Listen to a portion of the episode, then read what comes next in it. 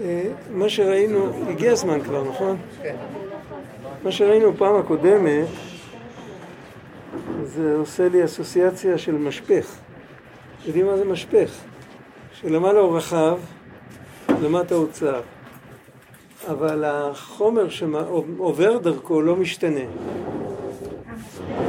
משפך, אתה רוצה למלות מג'ריקן לתוך בקבוק.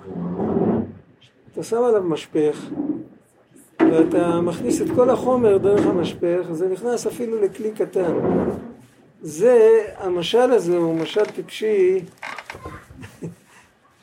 זה משל אמיתי, כי אני בעצמי המצאתי אותו, כמו שאומרים. אז זה משל טיפשי, כי הוא בעצם, המשפך הוא ממש לא עושה כלום. הוא רק משנה את הצורה החיצונית של הדבר. הוא לא עושה כלום. אבל יש עוד הרבה, יש אה, למשל, ניקח למשל דוגמה שמורה בכיתה נמוכה ביסודי מצליח דרך סיפור להעביר ערך שאת הערך הזה הילדים יכולים לשמור לכל החיים והערך מתפתח אצלהם כשהם מתפתחים. זה ברור? הם מבינים את זה עכשיו בקטנה, זה כבר לא, זה כבר ממש, כשהם יגיעו לגיל 60 הם יבינו מה המורה סיפר להם בכיתה ג' ביסודי בצורה אחרת לגמרי ממה שאם נגיד אם הם היו מקליטים את זה ושומעים את המילים הם, זה גדל אצלהם אבל הוא נתן את זה מראש בצורה כזאת שזה יגדל. זה ברור. זה סוג של משפך אמיתי זה לא שזה לא רק הצורה החיצונית נראית אחרת בתוך המהות הפשוטה יש התלבשות של מהות נאצלת, מהות אחרת לגמרי. זה גם מונע מבזבוז של חומר, כן, זה מכוון כן, כן, זהו.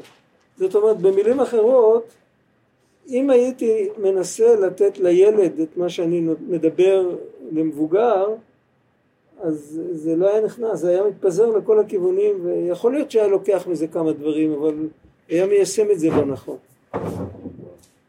מה שאין כן, אם זה מתחיל הפוך, אם זה מתחיל בצורה כזאת שמדברים שה... בגובה העיניים של ילד קטן ואף על פי כן יש בתוך זה את הכל. את כל מה ש... יש סיפורים כאלה על הבעל שם טוב שהיה סיפור שהוא אמר ל... הוא סיפר סיפור לנער צעיר שאחר כך הוא היה מהתלמידים שלו, אבל uh, הוא לא היה הרבה שנים, הבעל שם טוב נפטר אחרי זה. הוא היה אחר כך תלמיד של המגיד. רבי מנדלה מויטבסק, רבי מנחם מנדלה מויטבסק. מספרים שהבעל שם טוב פגש אותו כשהיה נער צעיר, הוא סיפר לו סיפור שכל החיים שלו הוא פענח, הוא ראה שהחיים מפענחים לו את הסיפור. זה כבר עוד יותר מוסתר. על כל פנים, כל מה שלמדנו עד עכשיו, למדנו על התורה, שהתורה, איך שהיא יורדת אלינו, היא מצומצמת. יש בה פרשיות ופרקים ופסוקים ואותיות ומילים ונקודות וכל זה, אבל במהות היא אינסופית. וכל המהות האינסופית שלה עוברת, זה לא שהיא נשאר, נשאר, נשארת מעל, יהודי לומד תורה אז הוא מקבל את כל הקדושה התורה למטה פה בעולם שלנו היא לא פחות קדושה היא אולי פחות אה, נפלאה ונוראית כן אבל היא לא פחות קדושה מהתורה איך שהיא בעולם העליון. הקדושה נשארת אותו דבר. ולכן כתוב אה, איך רבנו מביא והייתה עמו וקרא בו כל ימי חייו. ימי חייו זה חלוקה לימים ולפסוקים ול... זה הצמצום. אבל החיים זה נביאה אינסופית. ודרך התורה אנחנו מקבלים חיים שאנחנו לא היינו מקבלים אותם בלי התורה. אפשר לקבל חיים כמו כל יצור על פני כדור הארץ הכל חי הצמחים חיים בעלי חיים חיים יש אפילו סוג של תכונות נפש אפילו למתכות או לחומרים דוממים אנחנו רואים אחד מתכופף, אחד נשבר, אפשר להיות פסיכולוג של דומם. לכל דבר יש איזה, איזה תכונה, איזה משהו חי בפנים. אריזל אומר שלכל נברא יש נפש. אפילו אם אנחנו לא רואים שהוא זז, אבל יש לו נפש. יש לו תכונות נפשיות. נוסחה של כל חומר יש. הנוסחה של כל חומר. לכל חומר יש כן, נוסחה. כן, יש נוסחה אחרת. יש, אה, כמובן, זה מתבטא, בפיזיקה אפשר לראות לזה ביטוי. שאלה איך מסתכלים על הביטוי הפיזיקלי, אבל על כל פנים, זה חיים, זה החיים של, הח... זה הח... הצד החיצוני של החיים. הצד החיצוני של הרצון של השם לברוא את העולם. הצד הפנימי נמצא בתורה, בנשמה, במקומות האלה, ואת זה אפשר לקבל דרך זה שיהודי לומד תורה. עכשיו אבל דיברנו על עוד נקודה, דיברנו על נקודה אחרת שהמטרה שלה זה לרוחב, כי העניין הזה של לימוד התורה זה עניין, זה מין קו אנכי כזה. הבן אדם למטה, אה, כאילו זר, הורידו לו חבל שהחבל יכול להרים אותו. הוא לומד תורה, על ידי זה הוא מתקדם כלפי מעלה. אבל למדנו עוד נקודה, למדנו נקודה שכשיהודי לומד תורה הוא משפיע גם לרוחב. הוא משפיע אפילו על אנשים שהוא לא מכיר אותם, והוא לא הסביר איך. עכשיו הוא מתחיל להסביר איך התורה פועלת להסיר את ההסתרה שיש בעולם. יש סוג של הסתרה שזה זה מעניין. מי שזוכר את ההקדמה של המסילת ישרים, יש מישהו שזוכר את ההקדמה של המסילת ישרים? אמר המחבר, החיבור הזה, כתוב, איך כתוב שם? לא, לא כדי ללמד בני אדם את אשר לא ידעו, אלא את אשר ידעו, מפורסם אצלם פרסום גדול. זה ההתחלה שלו. עכשיו, כשבא חכם ומלמד אותנו דברים שמפורסמים אצלנו, מה הוא עושה בעצם? הרי אנחנו יודעים את זה. אז ואיך, הצורה איך שאנחנו יודעים את זה, זה, זה נמצא מסביבנו, זה לא מספיק חי בשביל לרכז את תשומת הלב שלנו. כאילו מונח על זה איזה שכבת אבק. לא רואים את היופי שיש בזה, לא רואים... וכאילו זה נמצא, אבל התרגלנו איכשהו. כמו שהתרגלנו לכל מיני דברים שמי שיבוא ממקום שאין את הדברים האלה אז הוא מאוד יתפעל. ואנחנו התרגלנו אז כבר לא שמים לב. אותו דבר אם בן אדם היה שם לב לתפילת הבוקר שלו, שהוא מתפלל, מה שהוא אומר, אפילו רק מודה אני לפניך. אז כתוב שם משהו שיכול לזעזע את כל הנפש. לזעזע לטובה כמובן, אבל אנחנו גם אומרים את זה, כאילו לא שמים לב. או כשבן אדם מברך על כוס מים, הוא אומר שהכל נהיה בדברו. בעצם הוא עכשיו דיבר על כל העולם ועל כל העולמות, איך שהכל, הכל, הכל, הכל באופן הכי טוטאלי שלא, שרק יכול להיות, הכל מה שהיה וכל מה שיהיה וכל מה שרק יכול להיות, הכל נברא מאת הקדוש ברוך הוא ובדברו. הדיבור זה לא הדבר הכי גבוה והכי נראה, הדיבור זה דבר די, די פשוט. לגבי השם יתברך כל זה זה רק דיבור. אנחנו אומרים את הברכה הזאת איקס פעמים ביום ואנחנו לא שמים לב. זאת אומרת שהמוח שלנו נמצא תחת הסתרה. זה מין מסך עשן כזה שרואים את זה, דיברנו על זה פעם, משה רבנו אחרי ארבעים שנה שהוא ליווה את ישראל במדבר בספר דברים, אחרי כל ספר דברים שבא, שהוא נותן להם שיעורי מוסר בלי סוף, כן? אז הוא אומר להם שימו לבבכם אל כל הדברים האלה. משה ודור דעה ומשה מדבר איתם ומשחזר להם את כל ההיסטוריה ואת הכל, בסוף הוא צריך לומר שימו לבבכם. שימו לבבכם. זאת אומרת שבאופן טבעי אנחנו לא מרוכזים ולא שמים לב. הסעתי את רם, נכד של הרב אה, ישראל דוב אודסר. כן. שהוא בעצם היה כבר באיזה גיל מאה ומשהו בבית אבות. כן. אז הוא סיפר לי, הוא היה עם חבר שלו, כי כן. החבר שלו היה נכד של הרב ישראל. כן, ואז הם הגיעו אליו לבקר אותו בבית האבות, הוא אומר, א' כל ראיתי שכולם עצובים והוא היה שמח, וגם כן. בירכתי שהכל נהיה בדברו, אז הוא זוכר את זה עד היום, זה היה לפני כן. הרבה שנים, אמר לו, לא, לא, זה כמו התבודדות. כן. צריך לברך. ועד היום זה, כן. זוכר את זה. כן, זה ברור לגמרי, ברור, ברור. הלוואי שאנחנו נתחיל, נתחיל אה, כאילו להתפלל שנהיה בכיוון, כמו שאומרים, שלא רק להתחיל לקיים את זה, רק להתפלל בכלל שנהיה בכיוון. עכשיו, מה, מה- איך, איך מסירים את ההסתרה הזאת? אז זה אנחנו צריכים עכשיו סבלנות. אין לי הרבה מה להוסיף כאן על מה שכתוב. צריך פשוט להקשיב למילים, והוא פשוט לוקח אותנו עכשיו כמו שנותנים יד לילד קטן ולוקח אותנו ומראה לנו על מה צריך להסתכל. כי יש שני הסתרות. וכשהשם יתברך נסתר בהסתרה אחת, גם כן קשה מאוד למוצאו. הוא יודע להתחבות, אין מה לעשות. קשה למצוא אותה. אף על פי כן, כשהוא נסתר בהסתרה אחת, אפשר להיגע, להתייגע ולחתור עד שימצא אותו יתברך. מדוע, מה נותן לו את האנרגיה לחפש? מאחר שיודע שהשם יתברך נסתר ממנו. כשאתה יודע שנאבד לך משהו ואתה צריך לחפש אותו, אז יש לך את האנרגיה לחפש. אבל כשהשם יתברך נסתר בהסתרה תוך הסתרה, שההסתרה, דהיינו שההסתרה בעצמה נסתרת ממנו, מהאדם, דהיינו שאינו יודע כלל שהשם יתברך נסתר ממנו, הכל בסדר. לא קרה כלום, מה אתה רוצה, כאילו, מה, בטח, מה. הרבה פעמים זה קורה דווקא לאנשים מאמינים. הבן אדם הלא מאמין, הוא מתלבט, כי אף אחד לא מאמין, עד, הוא, לא- אף אחד לא כופר עד הסוף. הוא מתלבט, אז, אז רע לו, אז הוא מתחיל לחפש. האדם המאמין, הוא לא יודע עד כמה האמונה שלו היא שטחית.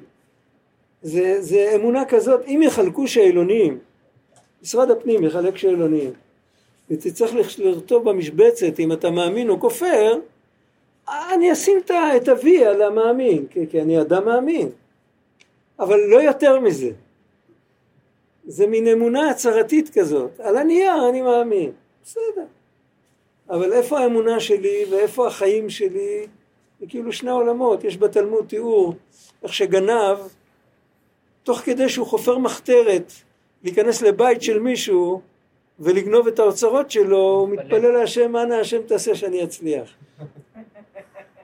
זה, הוא, הוא, הוא, הוא, הוא מאמין, הוא קיבל חינוך דתי והוא מאמין, אבל איפה האמונה ואיפה החיים? אין קשר. אז יח, זה סוג של הסתרה בתוך הסתרה, הוא חושב שהכל גלוי והוא לא יודע שהכל מסתתר ממנו. אז הוא קודם כל צריך להיווכח שיש בכלל משהו, שהמשהו הזה נסתר ממנו. שאינו יודע כלל שהשם יתברך נסתר ממנו. אז אי אפשר כלל למצוא אותו, מאחר שאינו יודע כלל מהשם יתברך.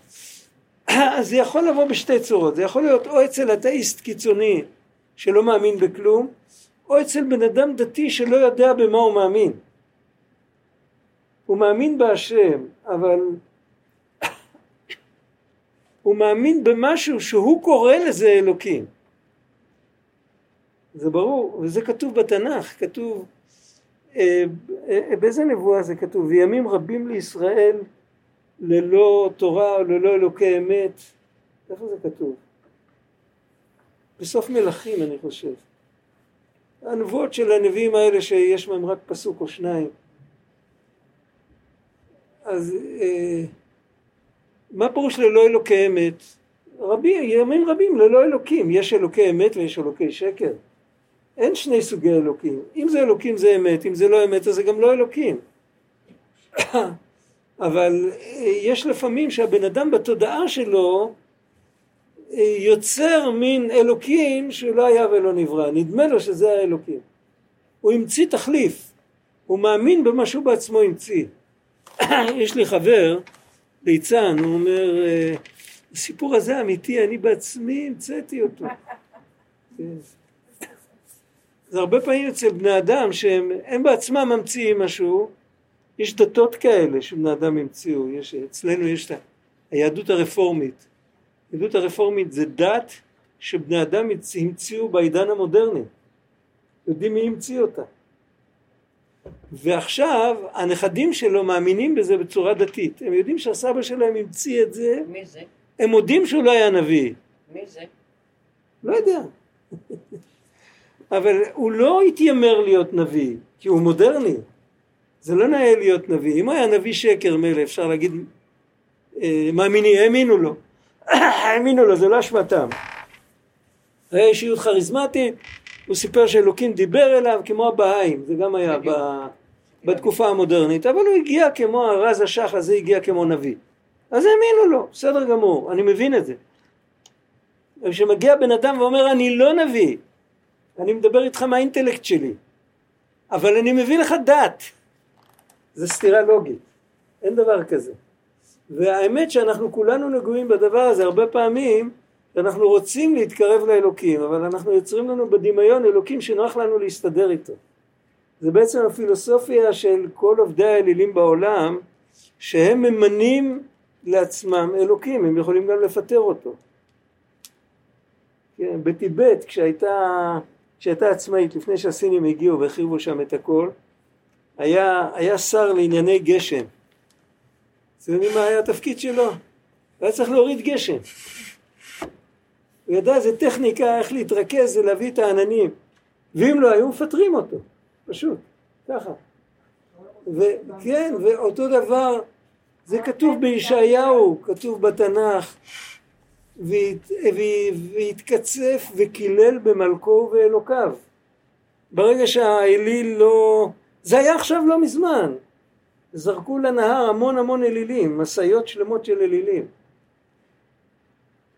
לפני, מתי זה היה? בהודו? כן, זה היה לא מזמן. זה היה לא מזמן. חודשיים, שלוש. הקיץ הזה זה היה. למה הם זרקו? כי הם רצו מהם משהו והם לא הביאו את הסחורה. מציאות. אני לא מדבר, אני לא מדבר על משהו הזוי, זה היה באינטרנט. חברים הראו לי את זה. בא, בא בחור שאנחנו לומדים ביחד בבית שם, ב, ב, ביישוב. בא מישהו בשמחה, הוא בא, הוא אומר, תראה מה זה, הגיעו אומות המשיח. כתוב שכשיבוא משיח ישליכו כולם את האלילים, הוא אומר, הנה זה מתקרב. מה? כן, לחפרפרות ולעטלפים. אלילי כספו ואלילי זהבו. אה? אפשר לשאול? בקול, בקול. תשאלי. תשאלי מה אפשר לשאול. אבל בעצם, הרי כל האנשים, או רוב האנשים, הם מתייחסים לאלוהים בתור משהו ביחס לעצמם. אוקיי, אז, אוקיי, אז בסדר, הגענו לנקודה הזאת. עכשיו, בסדר, אני מסכים איתך. אז צריך עכשיו להתחיל מכאן להמשיך הלאה. לראות איך מתקנים את זה. נכון? בסדר, אז יש לנו דרך. יש דרך לעשות, לא מתקנים את זה בזה שמזהים את זה. אם לא מזהים את זה זה מאוד גרוע. אבל בכל אופן, הנביא כבר הקדים לפני 2500 שנה, רב, ימים רבים לישראל ללא אלוקי אמת. זה נבואה קשה. כתוב שזו אחת הנבואות הקשות ביותר, חז"ל אמרו. אחת הנבואות הקשות ביותר שנאמרו על, על בני ישראל. ועכשיו צריך למצוא אלוקי אמת, צריך למצוא את האמת, לזרוק את כל הדמיונות ולחפש את הקדוש ברוך הוא באמת.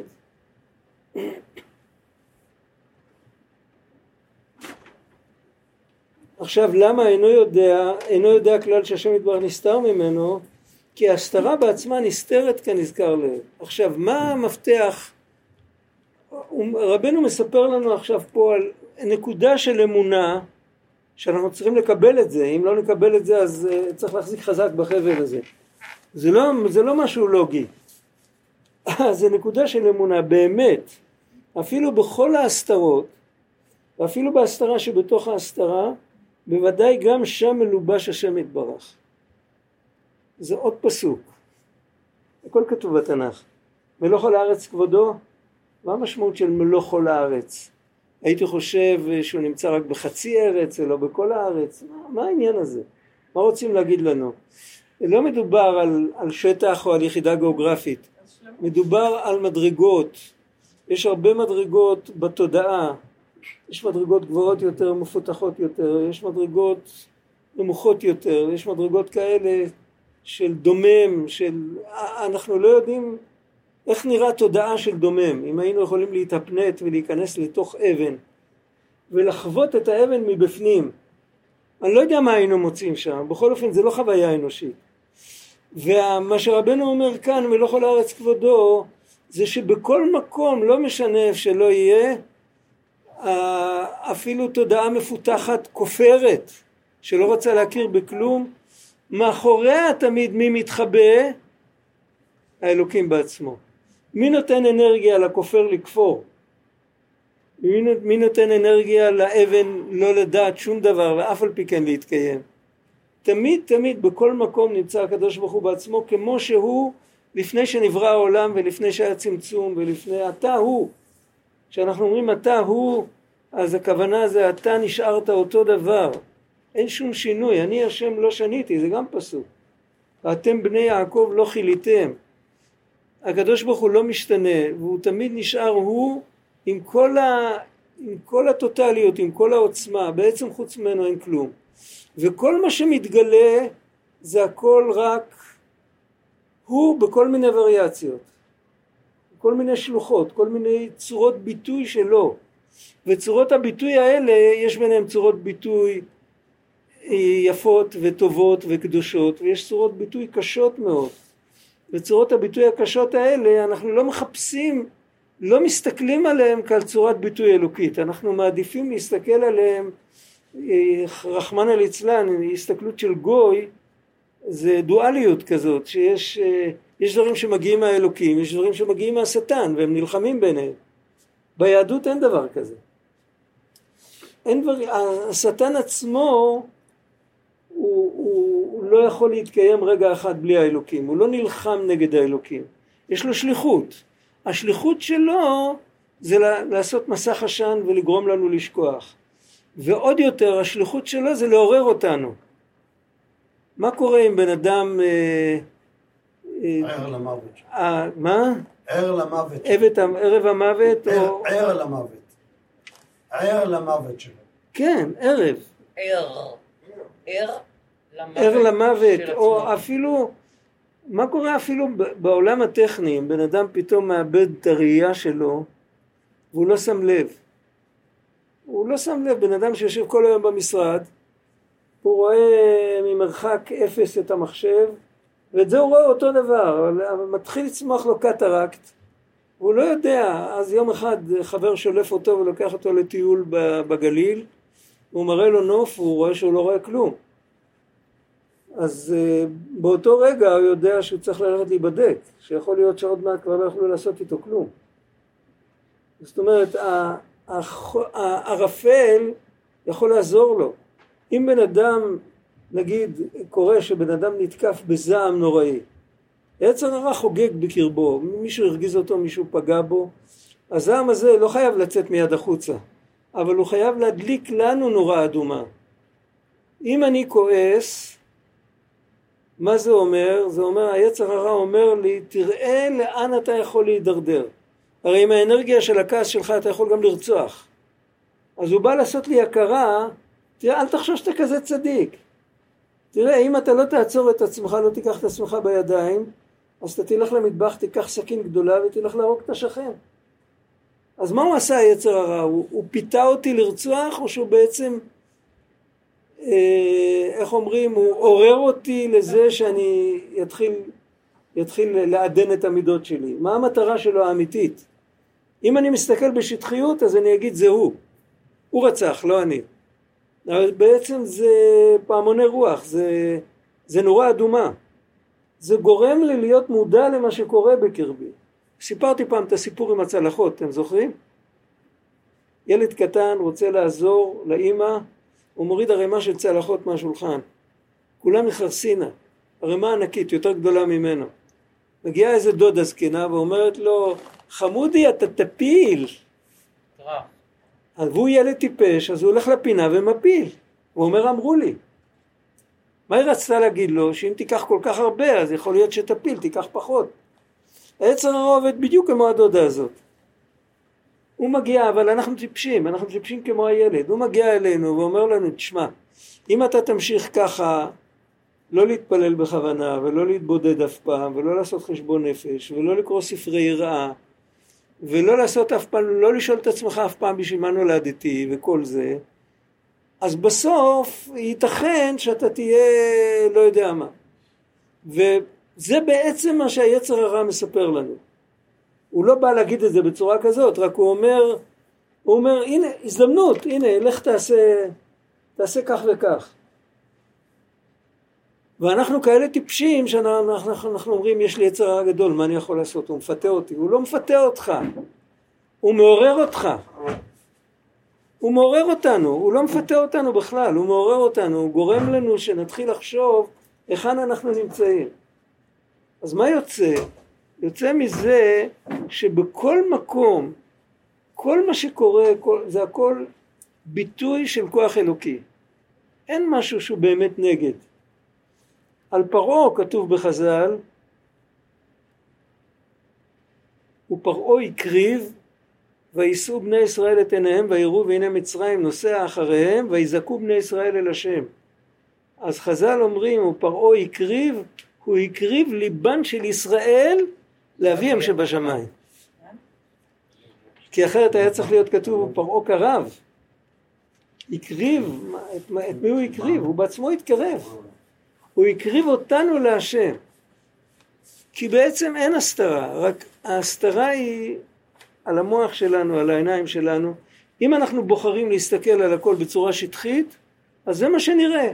אם בוחרים להסתכל יותר בעומק אז זה מה שנראה אבל צריך להאמין באמונה שלמה התחלה זה אמונה צריך להאמין שזה ככה צריך להאמין באמונה שלמה שיש הזדמנות בכל דבר הכי עקום ככל שזה יהיה לראות את הנוכחות האלוקית. אם אנחנו מאמינים שזה כך, אז אנחנו בסוף נמצא את זה. ושום דבר לא יסתתר מהעיניים שלנו. זה, ההתחלה היא קשה. ההתחלה, האמונה הזאת שבכל דבר, האמונה במלוך על הארץ כבודו, כי יש איזה אנטיתזה, הרבה יותר קל, רוב האנושות בחרה במשהו הרבה יותר קל, על השמיים כבודו ועל הארץ לא כבודו. זה הרבה יותר קל פה אנחנו עושים מה שאנחנו רוצים, והוא כזה, הוא נשיא הכבוד של כל, ה, של, של כל הפדרציה הענקית הזאת, אבל זה לא בדיוק מעניין אותו מה אנחנו עושים, עזב השם את הארץ. אז מי מנהיג את העולם? יש בסיפור של החכם והטעם. אז השליח של המלך אומר לחכם, הוא אומר לו, אז מי מנהיג את המדינה? הוא אמר, התחיל להסביר לו שאין מלך. החכם מסביר לשליח של המלך שאין מלך. כי הוא לא ראה את המלך, והשליח של המלך גם לא ראה את המלך. באו מהמשרד ואמרו לו, לך, אני יודע, קיצר, אז הוא מתחיל לשכנע אותו שאין מלך, אז ההוא שואל אותו, אז מי מנהיג את המדינה? אז הוא אומר, זה תשאל אותי, אני הייתי באיטליה, יש שם, אה, יש שם איזה פורום של 70 איש, שהם אה, מתחלפים כל פעם, והם מנהיגים את המדינה. אז השבעים האלה זה יכול להיות אה, כל מיני מספרים. זה, זה מזכיר קצת 70 אומות ומזכיר אה, שבע כוכבי לכת. זה מזכיר כל מיני מספרים שקשורים עם שש, קשורים עם שבע. אז אה, עובדה עבודה זרה, כך כתוב במדרש, כתוב זה עוד מעט נקרא איכה בעוד שלוש שבועות כתוב חלקי השם אמרה נפשי חלקי השם אמרה נפשי, כך כתוב אתה השם אתה החלק שלי, אני הנפש שלי אומרת שאני בחרתי בך לחלקי. אז המדרש אומר, מה היינו צריכים לבחור את הקדוש ברוך הוא לחלקנו? זה ברור שהקדוש ברוך הוא זה הדבר הכי טוב בעולם. המדרש אומר, משל למלך שנכנס לעיר, שם כתוב נכנס למדינה, אבל מדינה בשפה של המדרש זה עיר. והוא בא עם פמליה, וגדולי המדינה היו יושבים, והיה צריך לסדר להם מקום לינה למלך ולפמליה. גדולי המדינה ישבו, אז אחד אמר יופי כל הדוכסים אצלי בבית השני אמר כל אלה שמתעסקים עם אסטרטגיה במדרש כתוב אסטרטולין כל יועצי הביטחון הנספחים הצבאיים כולם אליי אחר כך עוד אחד אמר כל ההיפרחים זה אלה מנהלי המחוזות אלה, אלה באים אליי והיה שם פיקח אחד אמר אני לוקח את המלך בעצמו. למה? כי שואלים אותו מה... אז הוא אומר, הם כולם יכולים להתחלף יום אחד.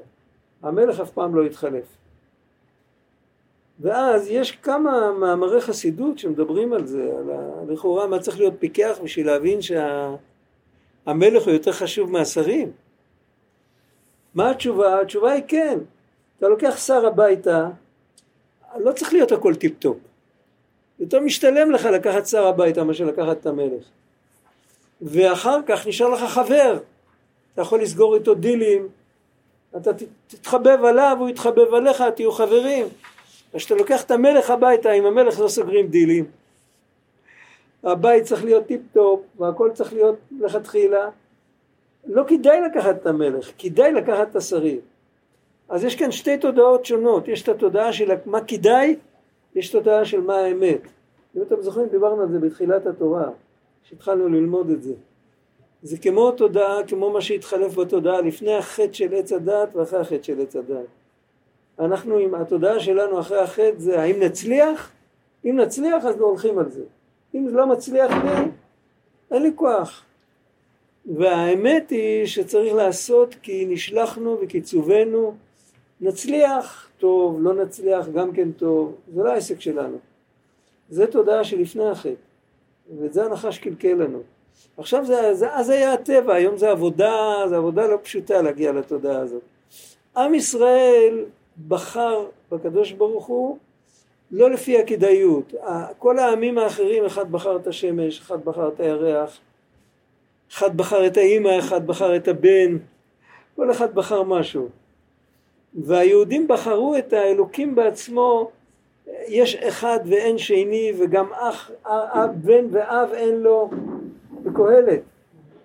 הם בחרו באלוקים הזה שאין לו מסביב פמליה ואין לו בנים ואין לו פרוטקציות ואין לו כלום ואליו אנחנו מתמסרים. זה נקודה לא פשוטה ובגלל זה אם אנחנו מאמינים בזה עד הסוף את זה אנחנו יכולים למצוא בכל מקום. כי אנחנו לא מחפשים ריגושים, לא מחפשים אורות, אנחנו מחפשים את האמת. וכל האורות וכל העניינים יגיעו עם הזמן, אם, אם נלך עם האמת אז יגיע, אבל זה לא המוטיבציה שלנו. הרמב"ם כותב בהלכות תשובה עושה האמת מפני שהיא האמת וסוף הכבוד לבוא. יגיע יגיע לא יגיע לא יגיע זה לא משנה. אני לא אחראי על זה. אני אחראי על לעשות את האמת בגלל שזה האמת. ככה הרמב"ם כותב, וזה בעצם הנקודה של היהדות. זה לא רק נקודה בתשובה, זה נקודה בכל היהדות. ואם מחזיקים במקום הזה, אז אפשר לסלק, לסלק גם את ההסתרה וגם את ההסתרה שבתוך ההסתרה. עכשיו יש כאן דיון ארוך, אה, אנחנו מדברים על הסתרה שנוצרה, עד עכשיו דיברנו על הסתרה שנוצרה בעקבות הבריאה ובעקבות הבחירה בלי הסתרה אין אפשרות של בחירה, ובעקבות החטא הקדמון. עכשיו על כל אחד מאיתנו לתקן את החטא הקדמון זה לא בדיוק הקטע שלנו, זה משיח יעשה.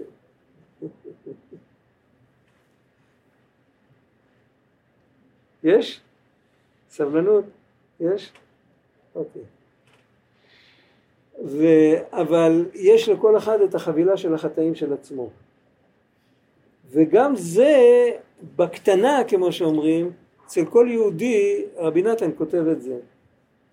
כותב את זה במכתבים לבן שלו, ראיתי את זה גם בלקוטי הלכות וגם מספרים את זה בשמו בעל פה, שעל כל, הוא אומר את זה על כל בן אדם אבל בפרט הוא אומר את זה על יהודי, שה, שכל ההיסטוריה עוברת על כל נפש. יש לכל, יש לכל אדם בהיסטוריה שלו רגע שדומה לבריאת העולם דומה לחטא הזה ולחטאים של דור המבול ולמבול ואחר כך אה, למה עוד? אה, אחרי זה לתקופה של האבות ולנדודים שלהם ואחרי זה לירידה למצרים והיציאה ממצרים. כל הסדר שכתוב בתנ"ך מבראשית עד הסוף כל בן אדם יכול למצוא בתוך עצמו את כל הדברים האלה. כמו שאנחנו אומרים שה... החטאים הקדמונים גמרו, גרמו להסתרה, אותו דבר אה, זה היה היום בבוקר, לא צריך ללכת רחוק. כן, אה, כאילו, יש אנשים שאוהבים להתענח על אה, זמנים קשים שהיו כשהם היו בני עשרים, היום הם כבר בני שמונים, אומרים וואי, אתה לא יודע מה היה בזמננו. זה לא, הזמנים הקשים עכשיו, הרגע. זה לא שפעם לא הייתי בסדר. הרגע, לפני שנייה, ואנחנו אמורים איכשהו לזהות את הנקודות האלה ולעשות ניקיון בתוכנו. אבל העיקר זה לא הניקיון, הניקיון זה כבר הפעולה הטכנית, זה כבר צריך להיות על בסיס נכון. אם בן אדם מנסה להתחיל לעשות ניקיונות בנפש, כשאין לו את הבסיס הנכון, הוא נכנס דיכאון. כי את הלכלוך הוא רואה ואת האפשרות לתקן הוא לא רואה. הבסיס הראשוני זה קודם כל לפגוש את האלוקים, לדעת שהוא נמצא בכל מקום, גם אחרי כל החסרונות שלנו. בעזרתו אנחנו יכולים לתקן. בעזרתו זאת אומרת עם האהבה שלו, עם הסימפתיה שלו, עם זה שהוא נותן בנו, הוא נותן לנו קרדיט, כן, הוא נותן כאילו, הוא לא סתם שם עלינו אחריות, הוא סומך עלינו שאנחנו יכולים לבצע, אנחנו מספיק מיומנים וחכמים בשביל לבצע את מה שהוא הטיל עלינו. ואם אנחנו מתרכזים בנקודה הזאת, אנחנו מקבלים כוח בשביל לתקן, בשביל לנקות. אבל אם סתם רוצים לנקות, אז לפעמים כשיש לכלוך, לכלוך קטן יש כוח לנקות אותו. אבל uh, תחשבו שאני, נותנים לי לסדר מחסן, שבשביל להיכנס כדי להתחיל לסדר, אני צריך מבחוץ לזרוק חבילה אחת על כל יתר החבילות. כי אין לי מקום אפילו לשים את הרגליים. למי יש כוחות לסדר דבר כזה? אבל אם אני יודע שהמחסן הזה הוא כולו זהב, זאת אומרת, יש פה במחסן הזה את כל ההיסטוריה של המשפחה שלי, יש פה את כל, לא יודע מה, אני, אני, כשאני אמצא מה שיש כאן, אני אשב ואני אבכה מהתרגשות. אז פתאום, אם אני יודע שיש שם דברים טובים, אז יש לי כוח. אבל אם אני חושב שזה באמת סתם לכלוך, מה לי ולצרה הזאת? אבל לכלוך שאתה עשית, אתה ואבותיך ואבות אבותיך. אין לי כוח, עזוב אותי, אני, אני לא מודה בזה, אז אני אמציא תיאוריה שזה לא לכלוך. ככה תמיד עשו. אם אני לא מצליח להיות מדויק, אז uh, מזיזים את הקו האדום, מכירים את זה? אם אני לא במקום הנכון, אני מזיז את הקו האדום, לא צריך, uh, לא צריך להתאמץ. אבל המוטיבציה האמיתית מגיעה מזה שההסתרה היא לא אמיתית. זה בעצם הנקודה של כל הסיפור. שאנוכי אסתר אסתיר כתוב. כי בוודאי אין שום דבר שלא יהיה בו חיות השם יתברך, כי בלעדי חיותו לא היה לו קיום כלל. ועל כן בוודאי בכל הדברים ובכל המעשים ובכל המחשבות מלובש שם השם יתברך כביכול. מה רצית? איך מגיעים לאמת הזאת? לאמונה הזאת? לאמת. לאמת. איך יודעים מה זה האמת? לאמת יש כמה שלבים. איך יודעים מה האמת? זה מה שהתכוונת. איך בתוך החיים פוגשים את האמת? לא שמעתי. איך בתוך החיים פוגשים את האמת? פוקדים? פוגשים. פוגשים. פוגשים את האמת בתוך החיים. איך פוגשים את האמת מחוץ לחיים? לא. רגע, רגע, בוא נלך שלב שלב. איך פוגשים את האמת מחוץ לחיים? מחוץ לחיים זה השם, האמת. מחוץ לחיים... אבל זה לא נכון שהשם הוא רק מחוץ לחיים. כי אם הוא היה רק מחוץ לחיים, לא היה חיים. הנקודה היא, צריך להבין את זה, יש בקבלה, יש מושג, יש כאן יהודים שמכירים את זה, אני לא כל כך אה, חזק בעניין הזה. יש מושג שנקרא אור מקיף, ויש אור פנימי. יש הרבה דברים שאנחנו מקבלים מהאור המקיף, אבל רק ממקיף אי אפשר לחיות. ממקיף בלבד אי אפשר לחיות. וכאן הוא מדבר על שניהם בעצם, זה שהוא מדבר שהשם יתברך נמצא בכל מקום, הוא מדבר קודם כל על גם האור הפנימי שהוא אמור, אמורים להרגיש אותו, ואם לא מרגישים אותו אז כאילו אז מי אמר שהוא קיים פה? אז בשביל זה הוא מסביר שבעצם הוא קיים ואנחנו יכולים להרגיש אותו, וכמו הילד שמחפש את העיפרון, הוא לא שם לב שהעיפרון בתוך היד שלו, מוכר? זוכרים את התופעה הזאת? הוא מחפש מוחק, הוא מחזיק את זה ביד, אתה מדבר עם חבר ואתה צריך איזה מספר בטלפון ואתה מחזיק, אתה מדבר עם חבר בטלפון, אתה מחזיק את זה ביד ואתה אומר, אני לא יודע כרגע איפה הטלפון שלי, הוא אומר לי, אתה, אתה מדבר איתו, אתה, אתה משתמש בו, מה קורה שאתה לא יודע איפה? אבל אני לא יודע שאני משתמש בו. לפעמים גם את הדברים הקונקרטיים, המצומצמים, שאנחנו ממש חיים אותם, אנחנו לא, או שלא מרגישים אותם, או שלא מרגישים שהם באים מהאלוקים. אנחנו מרגישים שאנחנו חיים, ואנחנו מאמינים שאנחנו חיים מהאלוקים, לא מרגישים שחיים מהאלוקים. צריך את הנקודה הזאת לחבר ולמצוא את האמת בתוך, ה, בתוך, ה, בתוך החיים. זאת אומרת, אני צריך להבין עם השכל, פשוט, הבנה אינטלקטואלית פשוטה, זה לא בושה, שאי אפשר שהחיים יהיו חיים אם הם לא יהיו קשורים לאלוקים. חיים זה דבר פלא. חיים זה פלא. אה, היא לא פה עכשיו. אחת שהשתתפה פה פעם, היא סיפרה לי שהיא אחות בבית חולים והיא החליטה לאתגר את הרופאים, היא שאלה אותם איך הלב עובד, לא איך הוא עובד, איך הוא עובד לומדים בבית ספר, למה הוא מתחיל את הדפיקה, את, ה, את הפוש הראשון? הוא לא מחובר לבטריה, הוא לא מחובר לשום כוח, למה הוא עובד כל הזמן? מה הרופאים עשו לה? כן, ככה היא סיפרה לי. אז היה אחד מכולם שמצא איזה תיאוריה עם איזה רפלקס חשמלי וזה, אבל מאיפה זה מתחיל? עוד פעם ככה. אז זאת אומרת שאחרי ככלות הכל, אם אני לא אתאיסט מושבע, שעולה על בריקדות כדי לכפור, זאת אומרת זה סוג של פנאטיות דתית. להיות אתאיסט עד הסוף צריך להיות פנאט דתי שהדת שלו זה הכפירה. זה מאוד קשה. למסור את הנפש על כלום. זה מאוד קשה. אבל אם אני לא כזה, אז, אז זהו, אז אני יכול למצוא את האמת בתוך החיים. חוץ מזה הוא מדבר גם על המקיף. המקיף זה כמו האטמוספירה, הרקע. גם זה נמצא וגם זה מוסתר. והתרבות מסתירה על זה כל מיני דברים כאלה. השכחה, והכל כאשר לכל אפשר לגלות את ההס... להזיז את ההסתרה. הנקודה הראשונה זה כמו כשיש חושך גמור באיזה מרתף, מה אני עושה דבר ראשון? אני פותח את הדבר הזה שיהיה לי טיפ טיפה אור ואני מתחיל להסתכל מסביב. או שאני מוציא קופסת גפרורים מהכיס ואני מדליק גפרור. אם אין לי לא זה ולא זה אני בבעיה. האור הראשון כאן זה האמונה. קודם כל להאמין שככה זה ולא אחרת. על מה זה מבוסס? הוא כתב, רבי אהרון רוט, בשומר אמונים, הוא כותב, זה גם דבר לוגי לגמרי, הוא אומר, אבותינו ונביאינו לא שיקרו אותנו, לא היה להם שום אינטרס לשקר אותנו. הם לא, הם לא הרוויחו מזה, ביזו אותם ורדפו אותם, הם לא קיבלו על זה כבוד, על כל הדיבורים האמיתיים שהם אמרו. ו, ובכל אופן, זה האמת.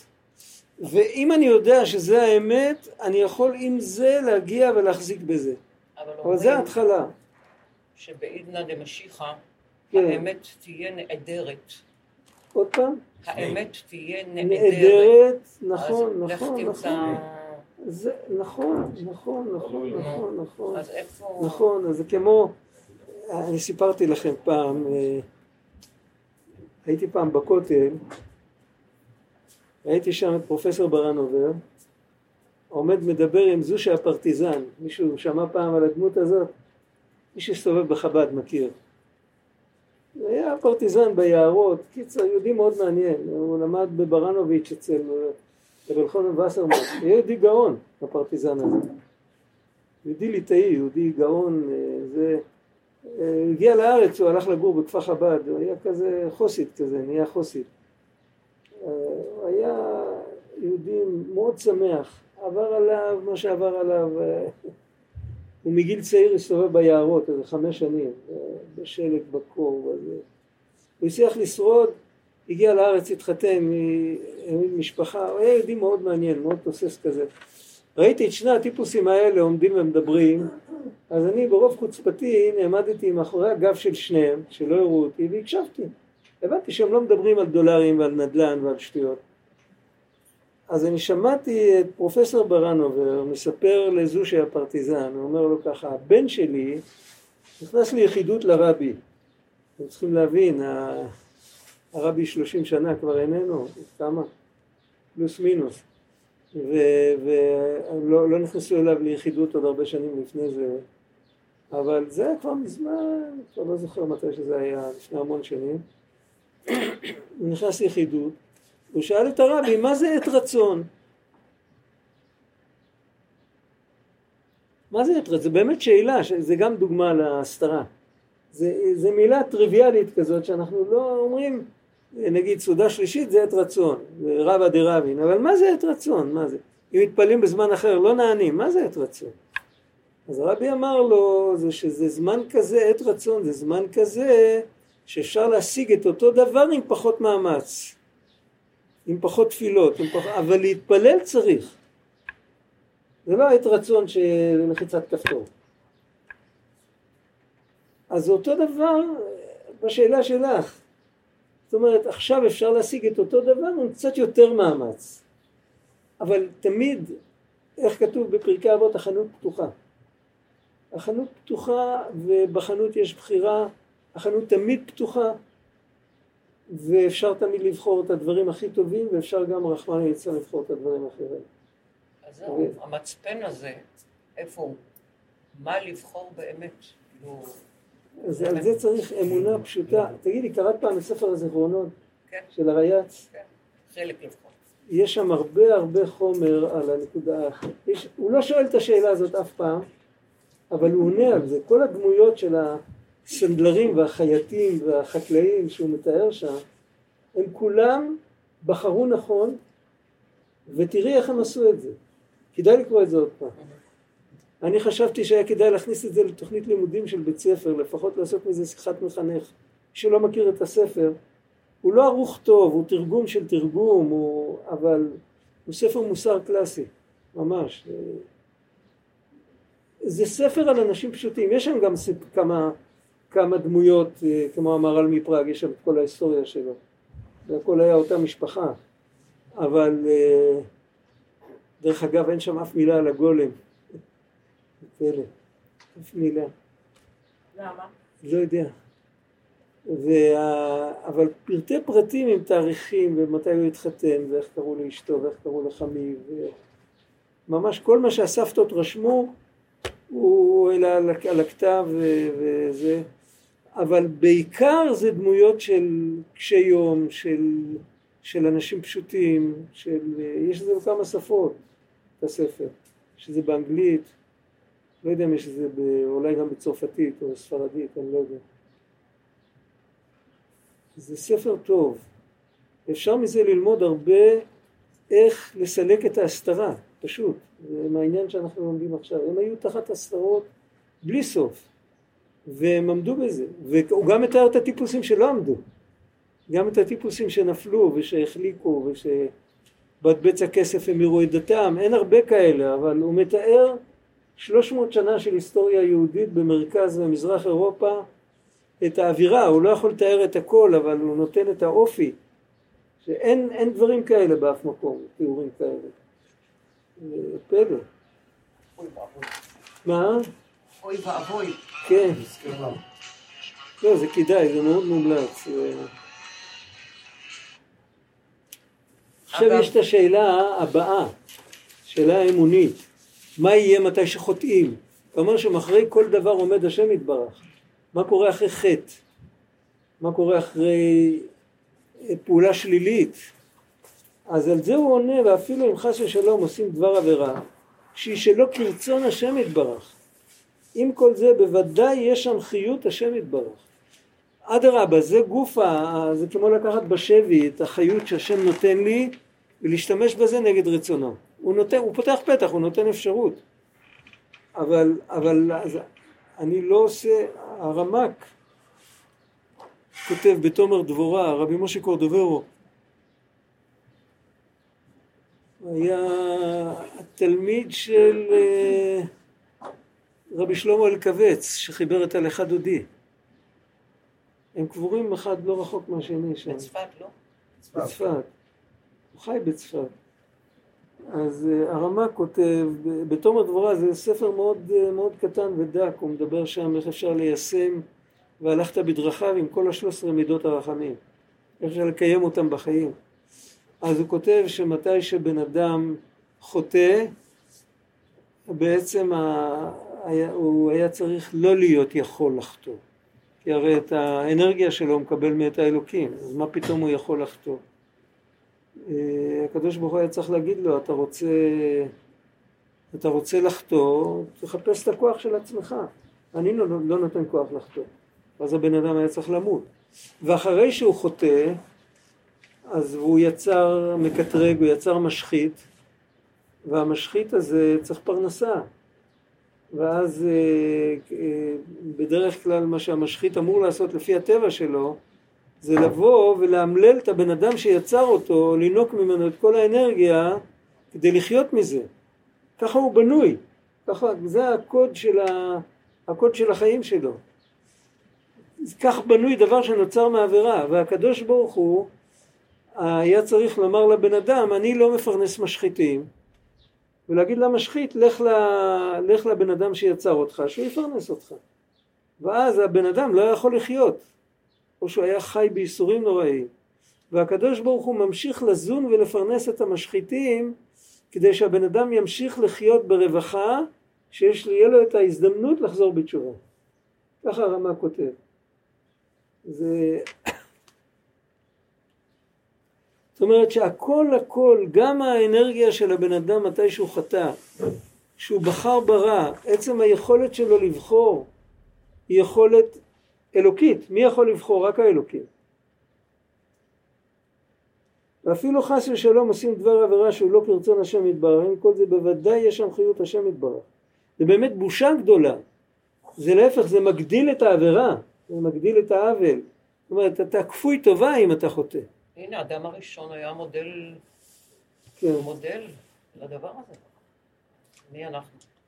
אך שהוא בהיעלם ובצמצום גדול. הבן אדם לא מרגיש. אם הוא היה מרגיש שהוא חי מהשם, הוא לא היה יכול אה, לחטוא.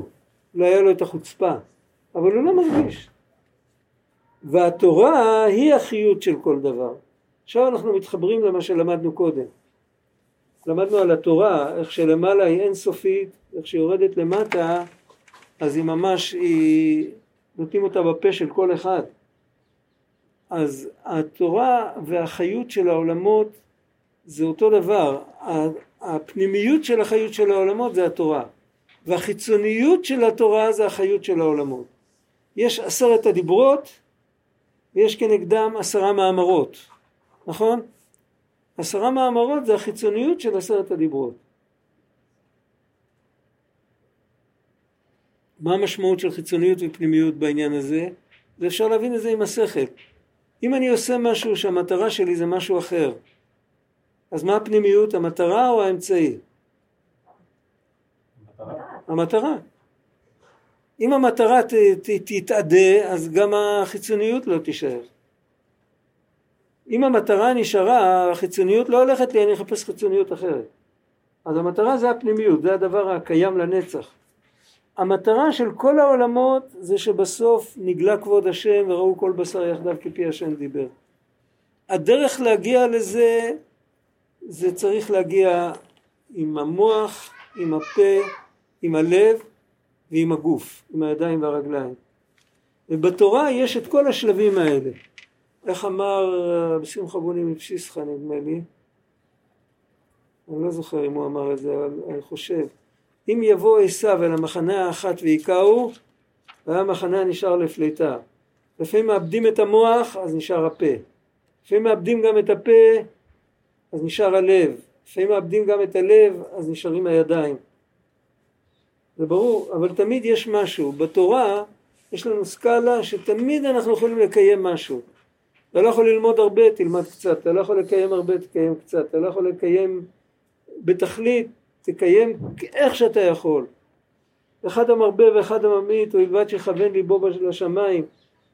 אנחנו לא משנים את המצוות של התורה, כל יהודי חייב בכל המצוות. אם באים ליהודי ואומרים לו מספיק לך מצווה אחת זה שקר.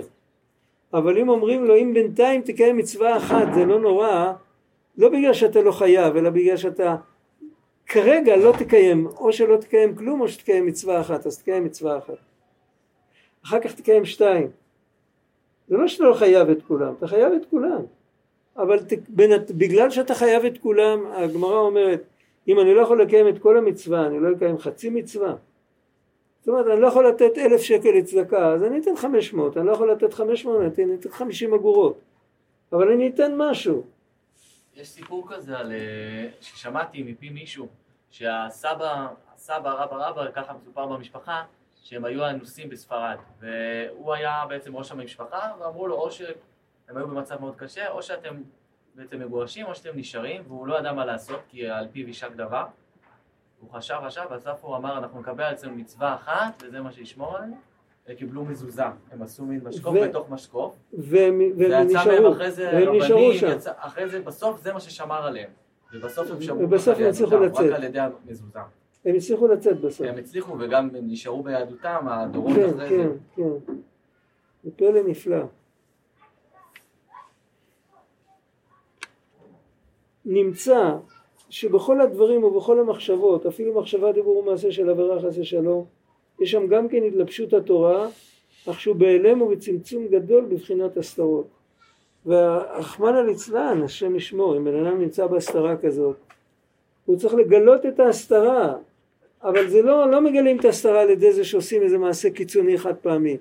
מגלים את ההסתרה, זה לוקח זמן, אבל ההתחלה זה לדעת שההסתרה היא לא אמיתית. שהאמת, שהאלוקים נמצא פה. מצידו הוא נמצא פה, אין פה, אני, אני לא רואה אותו. זוכרים את הילד הקטן שלא רוצה שיראו אותו מה הוא עושה? עושה מזכיר את ככה. פניו. הוא חושב אני לא רואה אז לא רואים אותי, אנחנו לא צריכים להיות טיפשים כאלה. אנחנו לא רואים אבל רואים אותנו. ולא רק שרואים אותנו אלא נמצאים בתוכנו. ומי שזוכר פעם דיברנו על ה... יואב זוכר. מי עוד זוכר? על המחיקה. מי, מי היה פה מתי שדיברנו כן. על זה? מלי. אתה. אם אנחנו נוריד את הכל, את הכל, את הכל, מה שישאר בסוף, אתה זוכר דיברנו על זה. מה שנשאר בסוף תמיד זה הדבר הזה נשאר לא משנה מאיפה אתה בא, מאיזה כיוון אתה בא, מכיוון של בן אדם, של בעל חי, של מלאך, של אבן, מאיפה שתבוא אתה תמיד תמצא את אותה נקודה והנקודה הזאת היא האין סוף בעצמו, זה, זה לא משנה, זה הכל תמיד נמצא, אני, אני, אין, אין עכשיו את ההזדמנות לחזור על זה עוד פעם, זה צריך, צריך את זה פעם בתחילת שיעור, כי זה, להסביר את זה נכון צריך אה, להיות רגוע ולא עייף ולא ככה אבל אולי בהזדמנות נחזור על זה עוד פעם. זה עצמו מראה לנו איך שבעצם אין, יש צמצומים והסתרות וזה, אבל ה- ה- האני האלוקי תמיד נשאר. הוא נשאר, ואיפה הוא נשאר? דווקא במקום שהכי הרבה מסתיר עליו. הדבר שהכי מסתיר על הקדוש ברוך הוא זה שבן אדם אומר אני. זה הכי מסתיר. הם מספרים רב זושה לא היה אומר אף פעם אני. לא, לא זושה הפרטיזן, זושה האמיתי, תלמיד של המגיד. הוא לא אמר אף פעם אני. היה קורא, לה- היה מדבר על עצמו, היה אומר זושה. לא אמר אני. אבל זה שאנחנו אומרים אני, אז זה ההסתרה הכי גדולה. ובתוך זה מתחבא הנוכחות הכי גדולה של הקדוש ברוך הוא. של ההפך, שזה כן. העין. עין. העין. כן. לא רק העין, רק אני, ראו אתה כי אני, אני אני הוא. כל מה שאתם צועקים אני זה זיוף. אה, יש אני אחד לכולם. ואצלנו כרגע, במצב תודעה שלנו, זה אמונה פשוטה. עם הכוח הזה אנחנו יכולים לעבור את הגלות, לקיים מצוות, להתפלל. איך יהודי משוכנע שהשם שומע לו? כי הוא בתוכו. הוא לא רק מקיף. ודאי שהוא מקיף, ודאי שאין אין שום מחשבה תופסת בו ואין לית מחשבה תפיסה ב... אבל מצד אחד לית מחשבה תפיסה ב... מצד שני אין לך דבר שחוץ ממנו יתברך ימלוך על הארץ כבודו. יש איזו תורה ארוכה בחלק ב' שלו, הוא כותב מהר"ן, יש שתי תורות על זה, תורה ז', תורה ס"ח, זה עוד פרויקט, צריך פעם ללמוד את זה.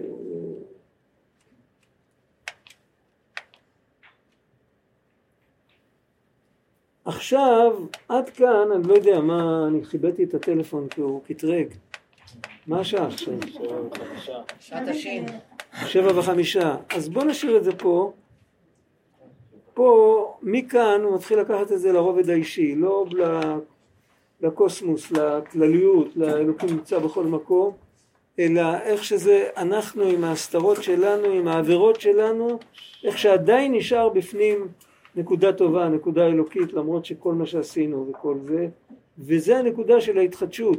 חז"ל דיברו על זה בצורה של משל, הם אמרו שיש עצם אחת בגוף שהיא לא, שהיא לא נרכבת, עצם הלו"ז. ובתחיית המתים יקומו ממנה. איך קוראים לעצם הזאת? לוז. לוז.